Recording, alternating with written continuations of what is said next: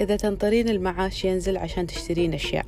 أو كل شهر تستخدمين ال credit card لأن ما عندك savings أو أنت من البنات اللي عندك savings بس مو عارفة شو تسوين فيهم.